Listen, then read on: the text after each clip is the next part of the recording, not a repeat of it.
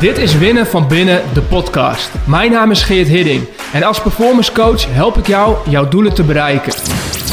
De weg naar succes komt met ongemak, twijfel en onzekerheid. Daarom praten we over mindset, gewoontes en skills en delen de beste tools om te winnen van binnen.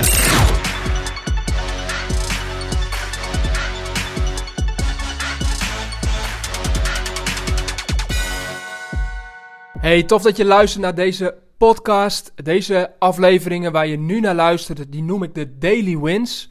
Uh, dat zijn korte afleveringen uh, die ik zelf inspreek en waar ik mijn inzichten en tools en ideeën met je deel. En soms ook gewoon persoonlijke ervaringen um, om je te helpen om naar een volgend niveau te gaan. Ik hoop dat dit je weer nieuwe inspiratie kan geven. Maar wat ik vooral hoop is dat ik hiermee weer kan zorgen dat je nieuwe besluiten kan nemen en nieuwe acties onderneemt om dingen te veranderen. Want we leven in een wereld waarin er ontzettend veel informatie op je afkomt. En waarin je elke minuut geïnspireerd kan raken door alles wat je leest, ziet en hoort.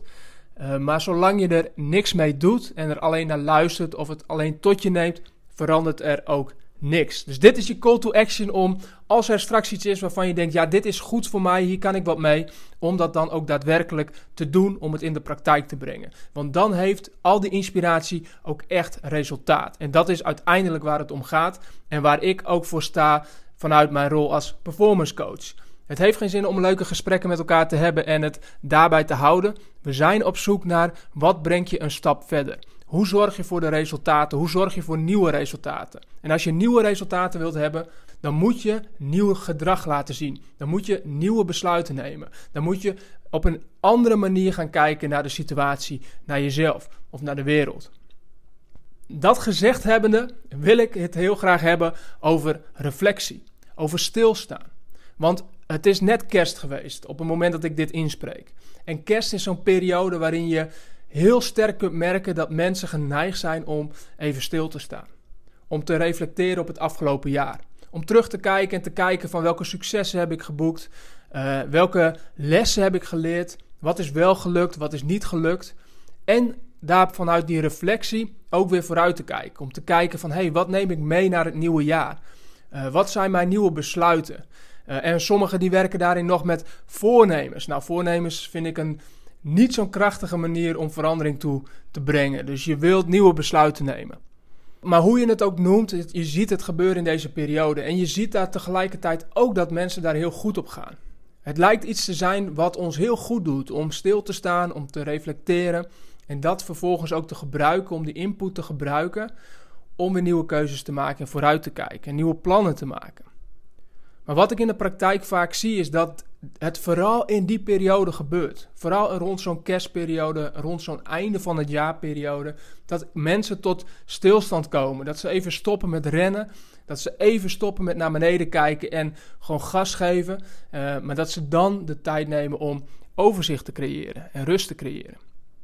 Terwijl dat je, als je kijkt naar wat het je oplevert, het heel veel oplevert. Dus de lijstjes op LinkedIn die ik dan voorbij zie komen, die zijn eindeloos. Ik zie dat iedereen aan het reflecteren is en ik merk ook van, hé, hey, daar zit kracht achter, daar zit winst achter. Alleen, het is zo zonde om dat maar één keer in het jaar te doen. Het is zo zonde om maar alleen aan het einde van het jaar even goed stil te staan bij hoe gaat het nu eigenlijk? En welke successen heb ik geboekt? Om die te vieren. En om stil te staan bij daar waar je groei zit, wat nog niet gelukt is, welke les je hebt geleerd.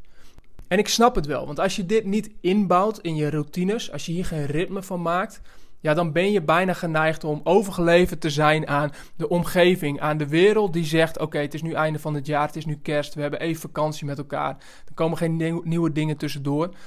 Um, dus nu sta je even stil. Maar dan ben je dus heel erg overgeleverd aan het moment, aan de omgeving, aan datgene wat voor je georganiseerd wordt. En stilstaan en reflectie en vanuit daar scherp vooruitkijken, wordt in principe niet voor je georganiseerd.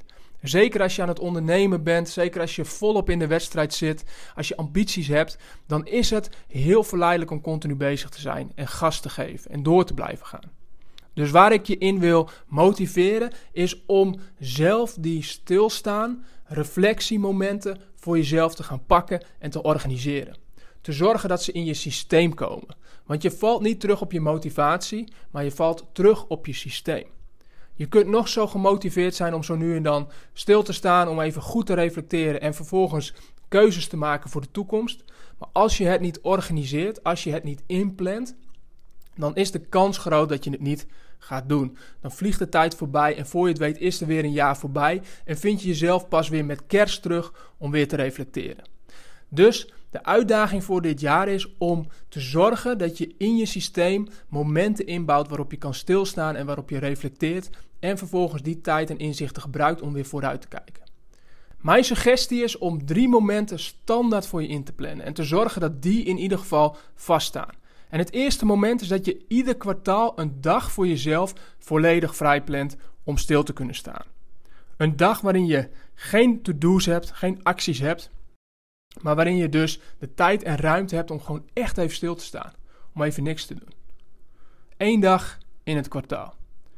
En misschien voelt dat nu als onmogelijk, maar geloof me, als jij vooruit plant, dan kun je die dag in het kwartaal makkelijk vrij plannen voor jezelf. Wat, in welke situatie je ook zit. En als dat niet zo is, dan heb je daarin eerst te werken aan je overtuigingen en je mindset. Want geloof me, er is altijd een dag vrij te plannen in het kwartaal.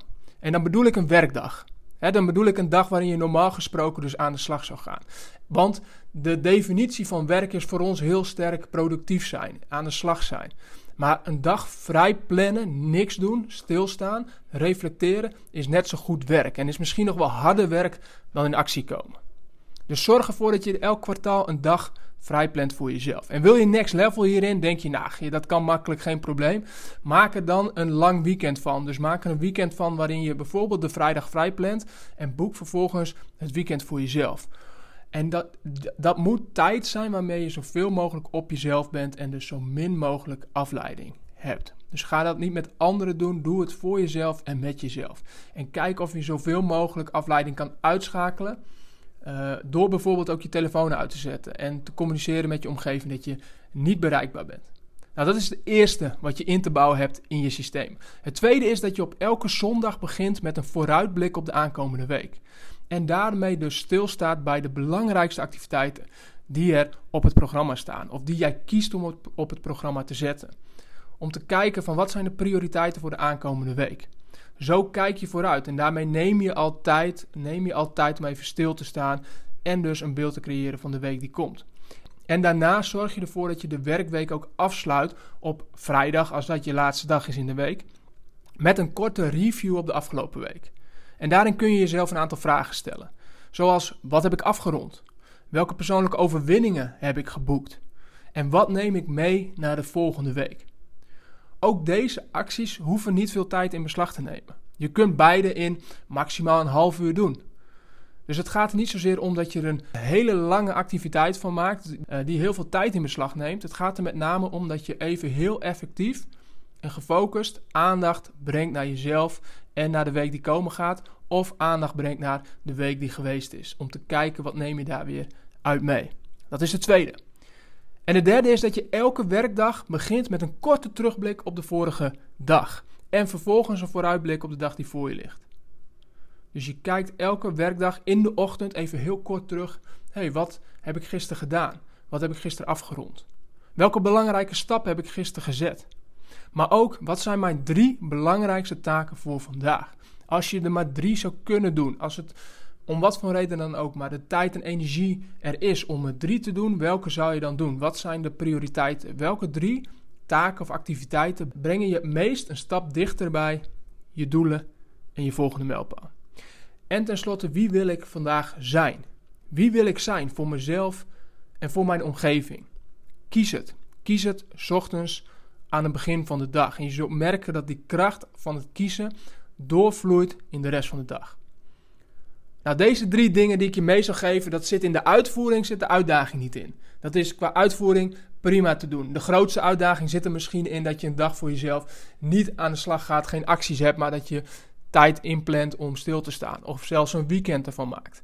Ehm, daar zit misschien de grootste uitdaging. Maar ook daarin weet ik 100% zeker dat gaat je gewoon lukken. Dus de, de kunst of de uitdaging zit hem niet in de uitvoering hiervan. De uitdaging zit hem in het plannen ervan en het bewaken van je planning. Dus de afspraken, deze afspraken met jezelf maken en ze ook nakomen.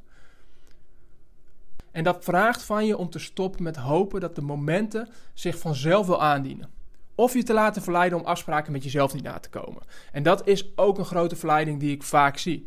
We, we, weten dat het belangrijk is, we zetten het in onze agenda, maar dan vraag, komen er andere vragen uh, voorbij. Dan uh, voelen we dat er andere prioriteiten zijn. En voor je het weet, zet je die tijd, die reflectie voor jezelf op het tweede plan en kom je er niet aan toe. Dus zorg ervoor dat je het inplant en bewaak je planning. Dus Stilstaan, reflectie en vooruitkijken. Elk kwartaal, elke week en elke werkdag. Terugkomend op het begin van deze podcast, als je denkt, hey, dit, dit is inderdaad iets waar ik mijn winst mee kan maken. Dit is iets wat voor mij kan gaan werken. Ehm, dan heb je nu je inspiratie gehad en dan is het vervolgens nu ook tijd om je agenda te pakken en het gewoon in te plannen. Want als je deze actie doet, als je het inplant, weet ik zeker dat het ook gaat gebeuren. En de andere kant is ook waar. Als je het nu hebt geluisterd en je denkt, nou, wel een goed idee, zou ik misschien wel eens een keer kunnen doen, weet ik ook zeker dat dat moment niet gaat komen. Dus pak je agenda en plan het in. Zo blijf je gefocust op wie je wilt zijn, wat je wilt doen en op welke progressie jij wilt boeken. Niet alleen in december aan het eind van het jaar en met kerst, maar het hele jaar door. Succes! Thanks voor het luisteren naar Winnen van Binnen, de podcast. Ik hoop dat je er minstens één nieuw inzicht of idee uit hebt gehaald. Wil je op de hoogte blijven van nieuwe afleveringen? Schrijf je in op geerthidding.nl slash podcast.